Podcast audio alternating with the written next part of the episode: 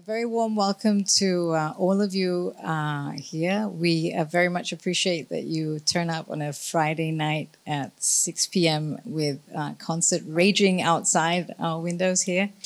Um, we think it's an important topic, and um, we think it's a particularly important topic because uh, the private sector role in promoting um, LGBT rights, LGBT plus rights, is actually quite uh, substantial and has a huge potential, uh, we feel.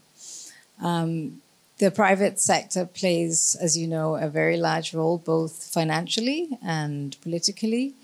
And um, for those of you who know the Sustainable Development Goals, um, there are significant uh, there's a significant need to involve the private sector. We know that governments cannot uh, solve the problems uh, by themselves, and um, so it's it's very important. We feel to get the the private sector engaged. Uh, also in this area, as it comes to uh, human rights and, and, promoting LGBT rights as well.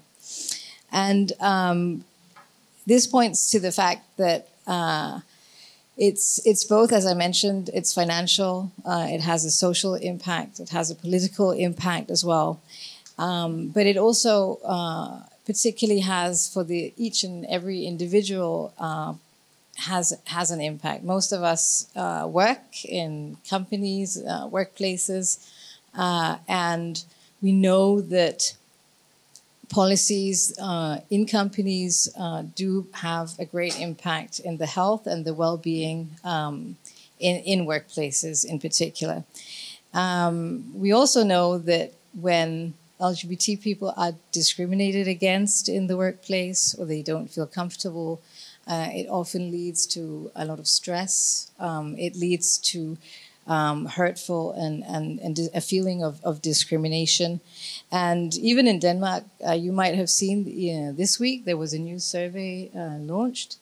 Uh, which showed that more than 25% uh, actually feel to a certain extent that they can't be open about their, their sexuality in the workplace. And that actually 8% feel that they are being discriminated in the workplace. And when I say even in Denmark, it's because I think um, here we, we often feel uh, we are one of the most uh, progressive countries when it when it comes to these issues. But uh, so you can only imagine in in developing countries. Um, and other places, or even in Western countries, the issues are, are even uh, more severe. So by addressing these issues, it's not only addressing human rights. I would also say we have evidence that points to the fact that when companies address um, health and well-being of their of their workers, there's actually also a financial uh, gain, which is um, worthwhile uh, also looking into uh, for companies. So uh, today we will uh, be discussing um, this in two ways. First, we will start with a round of conversation about why companies should be uh, doing uh, engaging in this area, and uh, then we will continue to discuss uh, a little more about the how. So how and what should we actually be doing? And I'm extremely uh, thrilled and honored at this late point of the day, even to have uh, three great panelists. And let me start by introducing uh, you all.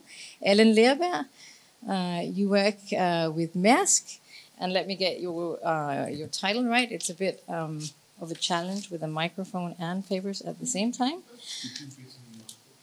Um, but um, you're a senior sustainability advisor, is that correct? Uh, and you're also a former director uh, in the Institute of Human Rights here in Denmark. Uh, PhD, postdoc, and associate professor as well, um, and has worked extensively on issues related to HIV/AIDS and sexual and reproductive health and rights as well, and gender equality and sexuality issues and currently uh, you work as a chief consultant in the Department for Gender and Equal Treatment at the Institute for Human Rights. And Rebecca um, works uh, with me actually in the Danish Family Planning Association, or Sex and Samfund, uh, in our international department where she works with uh, innovation and private sector partnerships and LGBT issues. So we'll have uh, two rounds of, of, of discussion um, with the panel, and then hopefully we will have uh, five, ten minutes also for uh, discussion with you. So just note down your questions, and we'll get to that at the end. So um, we'll start just by uh, zooming out a little bit, because maybe not everyone in the room knows what the situation actually is when it comes to LGBT uh, discrimination um, and particularly obviously in the workplace. So Bjarke, I was wondering maybe you can enlighten us a little bit on, on sort of the broader picture. If we go by the universal human rights standard, um, there is anti-discrimination, but LGBT plus um, people are not well protected against discrimination because of their sexual orientation or gender identity. Um, there's strong protection in the European area, um, but when it comes to um, many parts of the world, um, it's very difficult. You don't have legislation in place in the uh, for people when they're in the workplace, and um, and therefore you can easily be harassed. Definitely, um, there might be good perspectives for people who work in corporate entities that are in North America, in many parts of Europe, um, Australia, New Zealand, a few other places. But um, but if you're an LGBT plus person um, looking for a job in many other places, um, you wouldn't have to think for a long time uh, to consider or figure out why people may want to be closeted um, because they really, really run the risk um, of harassment if they are open. So the, the general outlook is that um, that there is not great protection um, uh, in in terms of legislation out there, um, and that's one of the reasons why it's so important that businesses, global businesses, are persuaded to also carry the torch of uh, the LGBT plus movement. But how much do we actually know in terms of figures? Because I'm I'm assuming that there are a lot of um, dark figures in, in, this area. Do you do you have? Uh but honestly speaking, this uh, topic is uh, actually so tricky that even in Denmark it's mm-hmm. difficult to conduct a survey. Just this week, I launched and published uh, this uh, LGBT plus um, report on Danish teachers, but it was really, really difficult getting anybody to send out the email um, to to conduct the survey. And eventually, I had to go via Statistics Denmark uh, and the public email in tray e-Boks. Um, but it took a lot of um, coffee sessions with Statistics Denmark to persuade them that uh, this was a genuine and legitimate effort, um, because everybody is fearful of documenting these things. Um, luckily, this one came out uh, giving an overall picture that um, that LGBT plus teachers are actually doing pretty well in Denmark, but there are um, also difficulties. There is bullying, uh, abusive language in, in schools, and um, also it's one thing to um, to have people do their work, but but there are so many other social occasions related to a working environment where your sexuality or your gender um, identity or gender expression may come into question. Um, so. So, although generally speaking, um, the Danish um, LGBT plus teachers are happy to go to work, they also experience quite a lot, and then they seem to have a tendency to to put it down to ah say never mind rather than kill the good atmosphere in the room mm. when somebody is doing something abusive towards them in a Christmas lunch or a summer party or um, question them on their sexual practices or their gender identities at home and so forth. Um, so, so going from that standard, how difficult it is to actually be allowed to do a survey in Denmark on these issues. Um, I, I, I, don't even I can't even imagine how you would do it even in an in, in an uh, international corporate entity, mm. just trying to document. Perhaps Alan can enlighten us whether it would be possible to send that out with all among all the workers mm. in Maersk, uh, asking us the one of the first questions. Could you please? Now we're going to ask you a few uh, private uh, questions. Um, where do you identify as uh, LGBT plus? Um, do you identify as male, female, transgender, um, intersex, uh, whatever. Um, these are questions that many, many human resource departments would simply refuse to, mm. to send out. Yeah. And therefore, um, you could say that we don't we really don't have a very um, good understanding of these things, even if we have the, for instance, the Fundamental Rights Agency uh, conducting surveys across uh, Europe.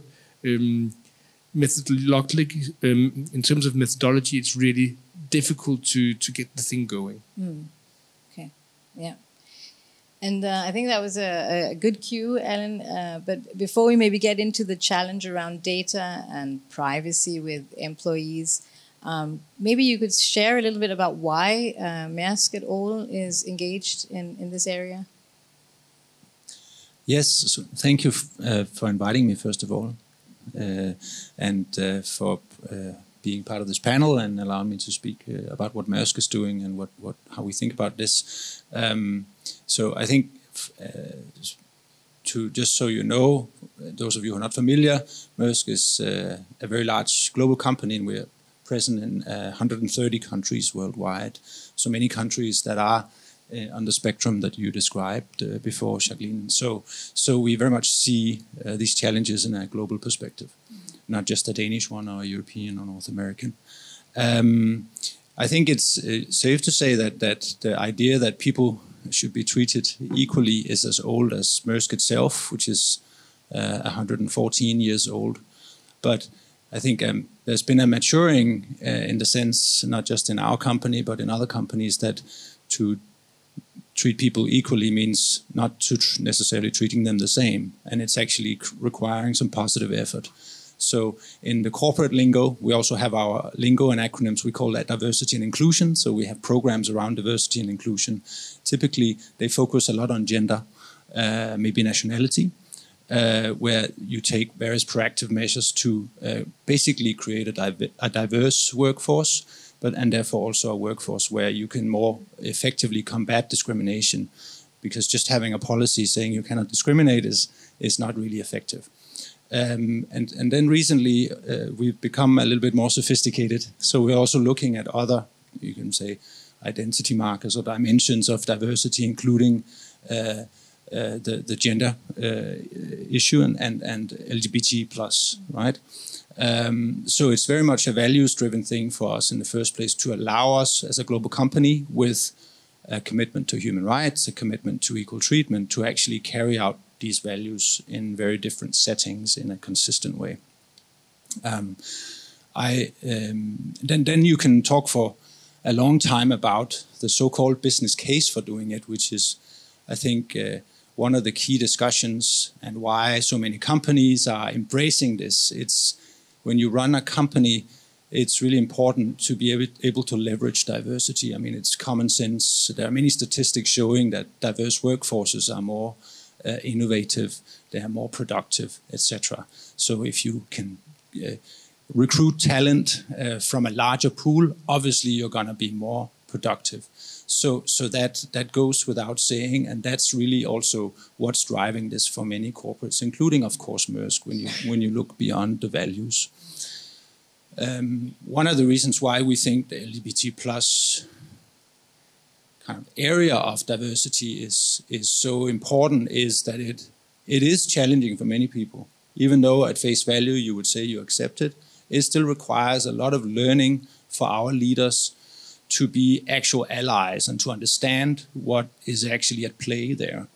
Um, and it, it requires a diversity of thought that actually is, is both challenging and very important for uh, a company like ours. So if we believe if we can build a culture that is tolerant on LGBT plus, it will also be a culture that is actually uh, diverse in terms of the thinking and the value sets. And that, again, is very important in this day and age where we constantly have to reinvent who we are, have to be very innovative. We're also in a, in a situation now where we are creating actually a digital company. So we compete for talent globally. Um, we compete with firms like Google and Facebook and very attractive companies. And um, to be able to actually attract talent in that global market, you need to be able to show that you, you, you have this right. And I'm, I'm just wondering, uh, in, in terms of, of how your thousands and thousands of staff across diverse markets have, have you had any reactions on, on introducing this whole debate about LGBT plus? Yeah, so so when you say that, I mean, just to to explain, we uh, we decided um, just over a year ago to publicly endorse the, the set of UN standards uh, of, of, conduct for business on LGBT plus, and um, the reason why we did that is that it's a very good framework. It builds on standards and principles that we are already committed to, and it gives us, so to say, a leg to stand on in what can otherwise be a very complicated field. So that was the start of uh, an internal effort where we have very much tried to, let's say, take a grassroots approach to uh, make this an employee driven debate in the company. So, one of the things we do, for example, we try to give a voice to uh, LGBT employees, colleagues uh, who are out we make interviews of them, put them on the intranet. That creates a lot of buzz and a lot of engagement. And we have a lot of positive engagement saying, we're actually really, really proud to work for a company that does this. Then there are also colleagues who belong to an older generation or they work in an environment where this is not legal. Um, and obviously, they, they're going to have questions as well. Some of them are very legitimate. Uh, and, and that's also part of the conversation. So thank you. And um, Rebecca, I want to just turn to you now um, because in DFPA, in the Danish Family Planning Association, we have been working on, on private sector partnerships uh, for a while, uh, including on, on issues on LGBT. Um, can you say a bit about why why do we do that and, and how do you how do you see this uh, feel about field about how and why why in particular companies are motivated also to do to do this? Um, yeah, as you said, we as a NGO, a civil society organization, we have been working with uh, private sector partnerships for a number of years now. Um, and we do that because we acknowledge that uh, the private sector um, has power uh, that we need. Um, and also because there's a will that exists with a lot of businesses uh, to do their business in a sustainable and responsible manner. So we're tapping into something that's already existing. Um, and also more broadly, because uh, we acknowledge the power that lies within uh, incorporating different kind of partners uh, in our work, private sector and other kinds. That's necessary for us to uh, to achieve the the vision that we want. Um, so, in other words, we know we can't win uh, the battles that we're fighting uh, alone. Um, and we also know that, especially from the private sector, we're working with stakeholders who uh, are used to doing things in a different way than we are, and who have access to uh, to other fora and different kind of stakeholders that we otherwise uh, would not gain access to. Um, so that is some of the reason for us doing it. Uh, but I also want to to highlight that our, in our international work, most of what we do is that we focus on um, what was just explained on employee rights and employee conditions uh, in the workplace. So for the most part, as an organization, we're not very engaged in, in these high publicity uh, private sector partnerships with companies. Um, what we do uh, globally is that we partner up with companies that are, that are operating in the global south, um, and we try to assist them in improving the situation for the people working for them. Um, in terms of uh, their sexual and reproductive health and rights, including LGBT rights. And we try to help them do this in a human rights based way, uh, which is the core way we work. Um, so, as I said, this is not something that necessarily receives a lot of coverage uh, media wise or that we're particularly known from in the public. Um, but for us as an organization, this is something that is high impact uh, because we get access to target groups that we would otherwise have a very hard uh, time to get to. And we can assist companies that want to do a difference in doing this in a good way that creates uh, sustainable and lasting change. Um, and when I say that we work with uh, with workplace changes and also to to talk about how we do with LGBT plus in these difficult uh, contexts often that we work in, it's uh, it can be in terms of helping companies um, include HIV/AIDS uh, policies um, or have non-discriminatory policies or practices within their business. And it can also be through helping, uh, we're a health organization, so through helping companies provide their employees with access to health services, and that being health services that are LGBT plus friendly and inclusive and relevant. That's a different thing. Um, this is a way that we work with LGBT rights, where where we assist companies in creating structural changes and improving health and improving rights. Um, because this can this benefits the people working for them and that in benefits entire families and societies because people improve their health knowledge and ability to make informed decisions about their health and themselves and they have better access to services um, and as you said this is something that the companies we work with they want to do uh, because there's a business case involved in it. But I would say that for the most part, part because uh, our partners are interested in doing a difference for their uh, for the employees. I think if uh, if it wasn't driven by a will to do a difference, there are easier ways to conduct responsible or CSR that they will be recognized for in the public than working with with our work areas and working with LGBT plus in particular. Um, and regarding challenges, uh, I would say that um, the work areas that the DFPA or Sex Samfund worked with, um, being health and, and sex and contraception and sexuality and gender and fertility, all these things are difficult topics to address. Uh, they are deemed private uh, and very much so in the global context and the country in the global south. Um, and very much so in the private sector context. These are topics that are difficult to work with and to address. Um, and LGBT is, uh, I think, likely the most controversial thing that we work with uh, internationally. Um, so we face a lot of challenges in our work, not only in the private sector, but in our general LGBT work internationally. And we we acknowledge that companies face the same challenges uh, when they are working with this with our local partners as civil society partners in, for example, Kenya and Uganda, where we work, sometimes you can't even use words like homosexuality, LGBT plus, because this puts them in danger of retaliation from uh, law enforcement uh, or the public. So we have to always think of clever strategies and we have to utilize loopholes in order to be able to address this in these uh, contexts. Um, and for us, sometimes uh, when working also with companies, that means focusing more on health and uh, and putting that in front rather than than talking directly about LGBT plus rights. It's not ideal, and that's not the world that we uh, vision, but that is a step towards uh, the goals that we want to achieve.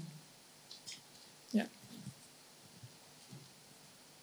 We hope we didn't offend anyone.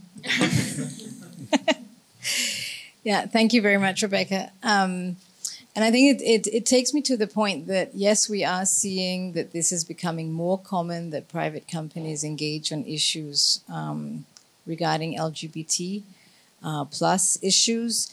Um, but we also see that there are different strategies, and it's been discussed, I think, let alone this week, and it's been discussed last year and the years before as well. Why is it that companies actually engage? And and how do they engage? And and the way we we have have, have sort of seen um, seen this is either through inclusive workplaces as we've just mainly been talking about. Some are actually also uh, more uh, activistic in their approach. We, we, call, we talk about corporate activism uh, you know uh, banks that don't want to engage in uh, in Brunei after they criminalize homosexuality or uh, or other examples like that. Uh, and then, of course, we see companies who do this simply because they see it as, as a good way to market themselves. And of course, there are lots of ethical uh, issues uh, related to sort of the reasons um, why you actually engage as a company on, on LGBT. Um, so I'd just like to go a little more into the sort of how you actually uh, can work as a private company with this because I think what we experience a lot is that companies might well see that it's worthwhile engaging with, but often they don't really know what to do. So when you face challenges like uh, Rebecca was just referring to, and you talked about it as well, Alan, what do you do?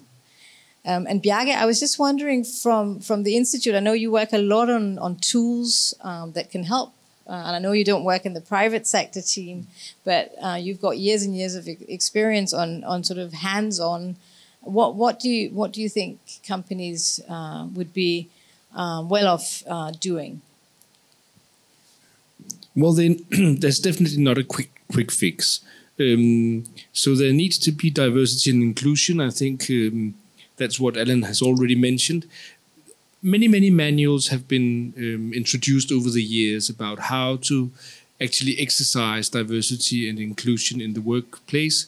Um, but what comes out um, when you really look at the matter is that you need to be fairly specific. Um, so rather than a silver bullet, um, you would need to know um, the the difficulties that uh, different minorities uh, actually experience in the workforce, in the workplace, and I would say that even when it comes to LGBT plus.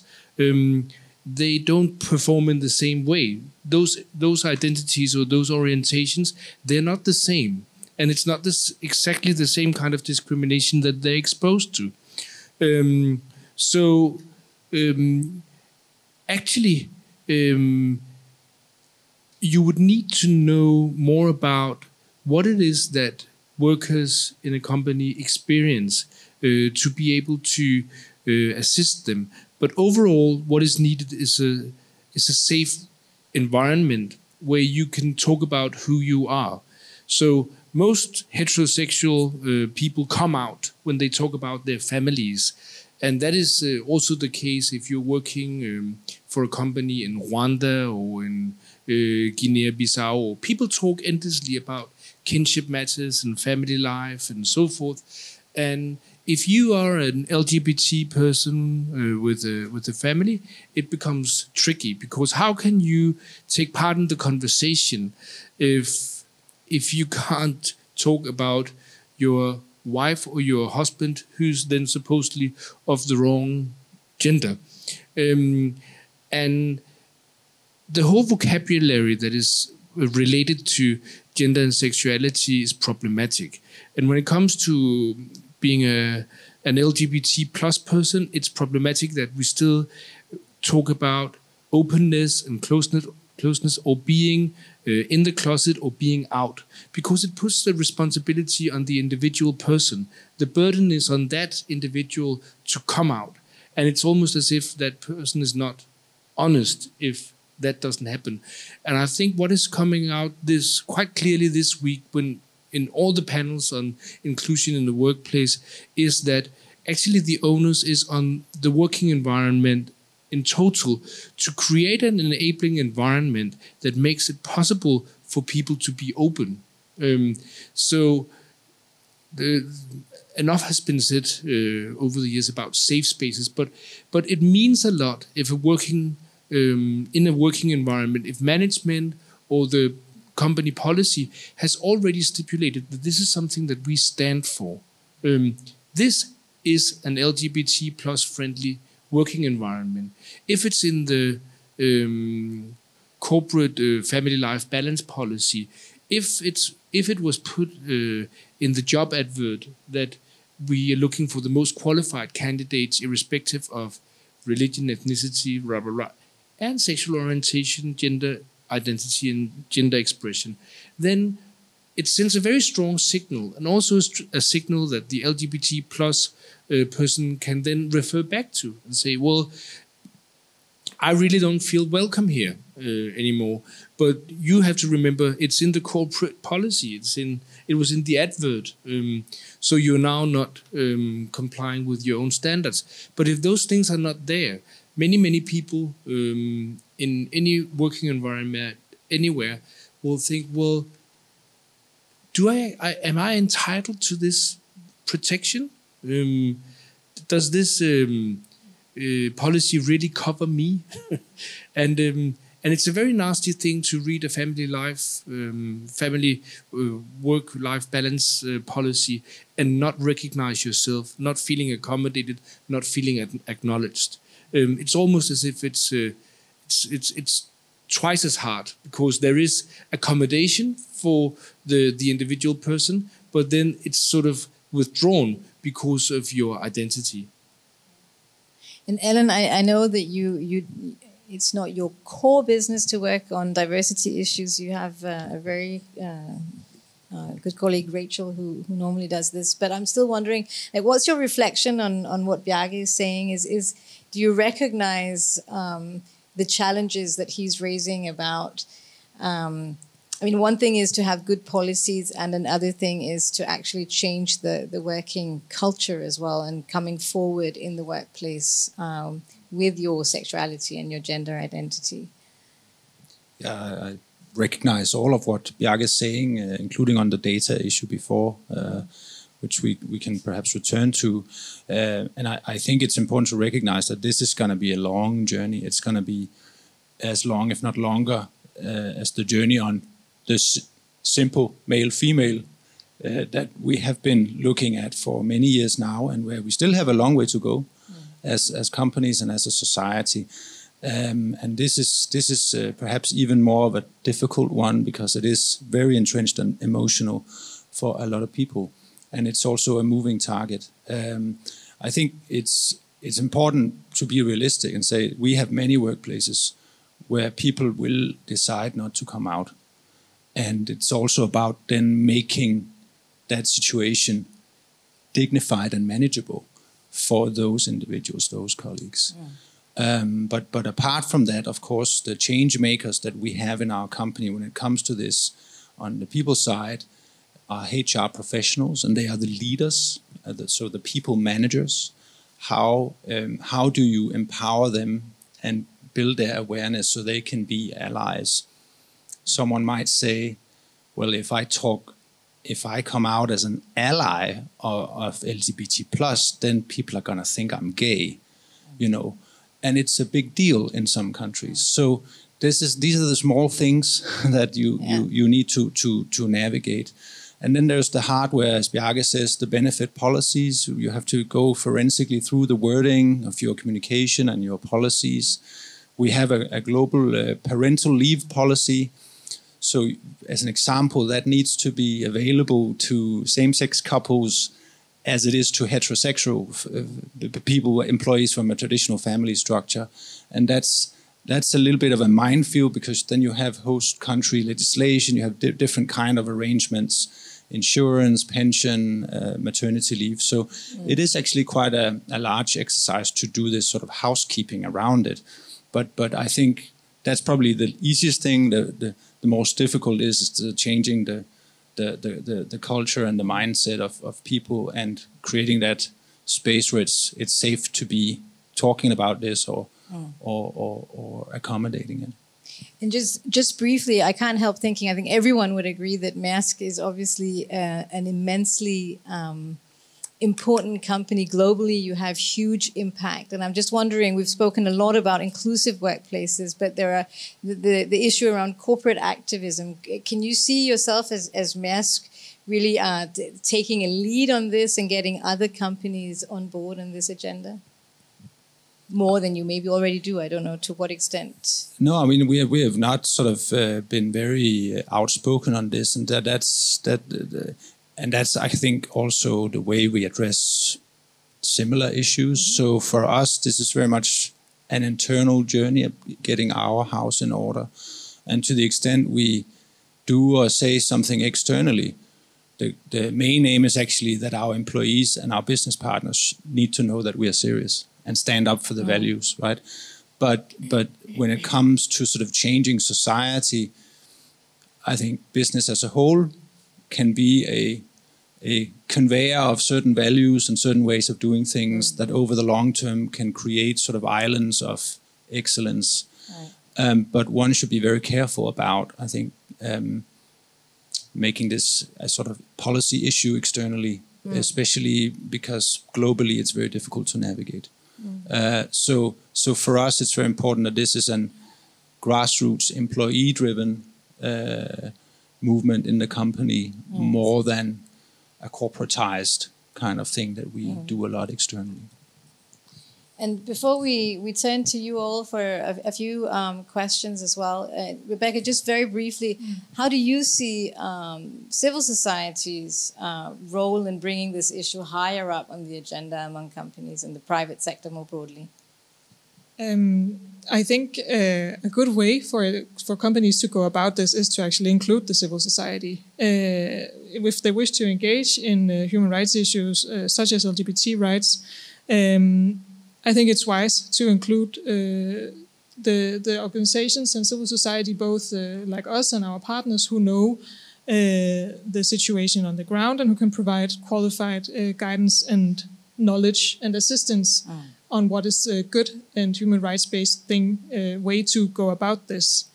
Um, but I think there are, there are many ways that uh, that we can work together with companies around this, and also philanthropic uh, types of uh, partnerships, more where you donate, where a company donates uh, some money or some funds.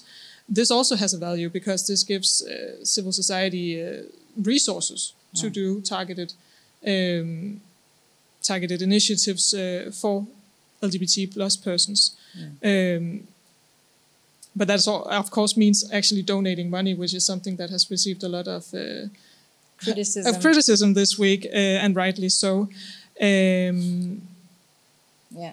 Yeah, and I think uh, we, but regarding the pinkwashing thing and the whole criticism re related to this, I think we also need to remember that uh, Denmark is kind of a special case in this uh, relation and even doing publicity based on this is not without risk around the world or without cost for companies. We have had recent examples of this, like Coca-Cola, who just had a campaign, "Love Is Love" campaign with uh, with pictures of same-sex couples uh, depicted, uh, which led to uh, parliament members calling for boycott of companies.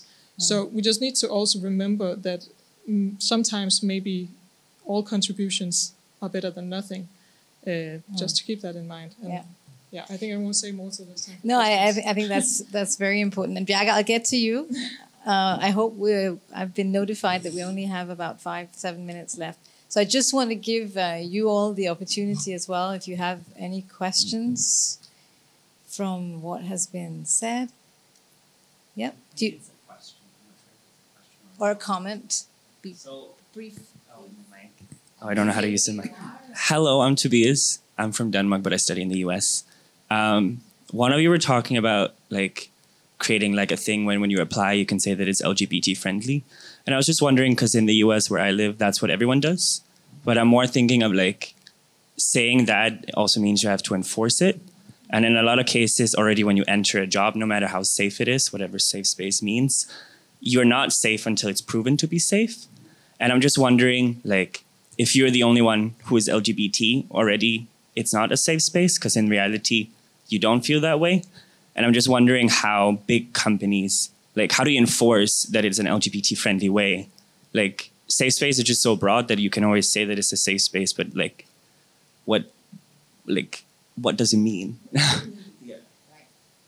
Any other questions? We'll just uh, take a few. Yeah. Hi, my name is Britta Küst. I have a bit of a hard time understanding what it is that Maersk is actually doing. It's a Denmark's biggest company. It's a flagship company. It would be immensely influential, I understand. But at the same time, you say that you would have to something should happen from a grassroots level, and you deal with countries, I suppose, Asia, Middle East, where it's highly controversial. So, could you be a bit more specific? Because I, I, it's a bit abstract to me what it's actually about. Any other comments, questions? Sorry?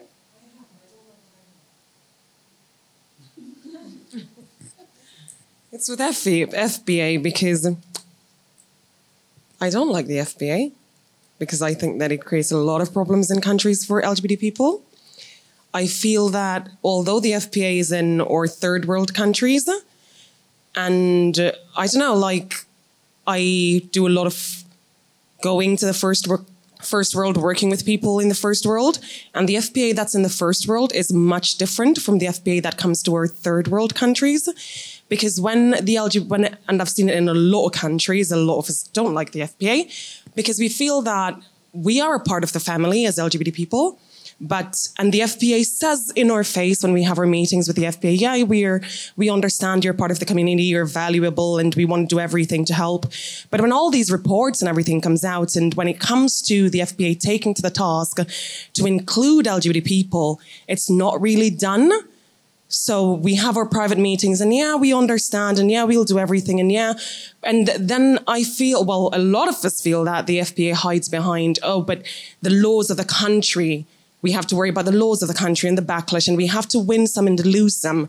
But how much longer must the LGBT community lose some when we have the FPA that is supposed to be looking after everybody, regardless of gender and sexuality? Se- well, I had a big problem with them in Sri Lanka, but I'm from Jamaica, and we still have a big problem with them in Jamaica because I know that it's illegal to be gay in our countries, but at the end of the day, how do you take responsibility as a company then to say, yeah, it is illegal, but then we are responsible as well? For example, you're, you as Maersk, you're saying that, okay, we understand that your country is different and we have to do things differently, but we still have our policy as Maersk. But with the FPA, I don't see that as a case. It's always hiding behind the law. So, how do you guys do something about that? So, uh, just to clarify, we do not work in Sri Lanka, so I'm just wondering, but yeah. So I'm wondering whether we're talking about the same organization, just to be clear on that. But anyway, our time, we can talk afterwards, if nothing else. But um, let's just have a quick round of reaction to, to the questions that were raised. Yeah, did you want to say something? Well, there weren't questions for me there, so so I just wanted to say that um, there was an interesting uh, piece that came out after The Economist, the magazine, had a, a, a a summit last year called the Economist Pride and Prejudice uh, LGBT Summit, where the Vodafone, Vodafone CEO came out and said, I'm so tired of talking about the business case for LGBT plus inclusion um, we shouldn't make it a question about a business case, um, whether or not it's there's a business case for LGBT plus inclusion. It's a human right, and it should happen. What if there's not a business case? I mean, in Hungary, uh, does it then mean that oh, then we shy away? so um, others come out and say, yeah, well, it's better. It's going to be more sustainable if uh, if we can make the business case for for LGBT inclusion. But I think a lot has to just saying that it is a human right and that it needs to be done has a lot going for it. And Ellen, I believe you had a, a specific question as well from. Yeah, I, I, I, feel we should have started with the questions actually because they were great questions. Yeah. Um, no, so that is the starting point. I agree. And uh, to your to your question, I mean, we've had non-discrimination systems for many years. Uh, whistleblowing uh, hotlines, things like that for many years, where of course we pick up cases. So, what has changed since we signed up to this is that we're now creating an internal conversation specifically on LGBT. Plus. We didn't do that before. And that conversation consists of training for everybody in the leadership, everybody in the human resources community, and all the frontline staff. So that may sound like a boring and tedious affair, but it's 88,000 people that need to be sort of included. And that's been the starting point, creating that conversation. And, and when I say grassroots and from the bottom up, it's, it's to do it in a way that's not sort of smothered in a corporate, but trying to use those role models that we have. For example, we have a, an, um, a captain who is out. And if you're a captain piloting a ship in Maersk, you're someone and you're listened to, and we're trying to use role models who are willing to to to to stand up. And as I said, working empowering the leaders to to act as allies and understand what they have to do. So that's very much been the starting point, of course, apart from the sort of benefits thing that I talked about. So it's not something you see from the outside uh, necessarily, and that's not necessarily our KPI either. Um, yeah, I think I want to comment on the how to create. Yeah, very briefly, where, how to create safe spaces. Um, and I think uh, there was a lot of examples giving uh, how companies can do this. Um, but just to briefly say it, uh, I think it's it's a point of representation. If you're in a company where there's not uh, where you're the only LGBT plus person, you can still feel included if you're visible. I think uh, a lot of um, of not uh, feeling welcome in a place is being invisible. Uh, so so that can happen in other ways if there are not any other people that you can turn to. Uh, it is representation in language and in policies and in practices and making sure that these are enforced and also having mechanisms in place where people can can go to if they're feeling discriminated that are safe and that are anonymous these are just very quickly some some concrete things i think that we that, that companies can do but it is difficult Right, we are literally uh, being uh, thrown out of this room. Uh, this is this is not because I don't want to address uh, the last uh, question, and I'm happy to uh, discuss and clarify once we are right outside. Um, so, with this, thank you so much for to our panelists. Let's give them a round of applause. And thank you, each and everyone, for spending.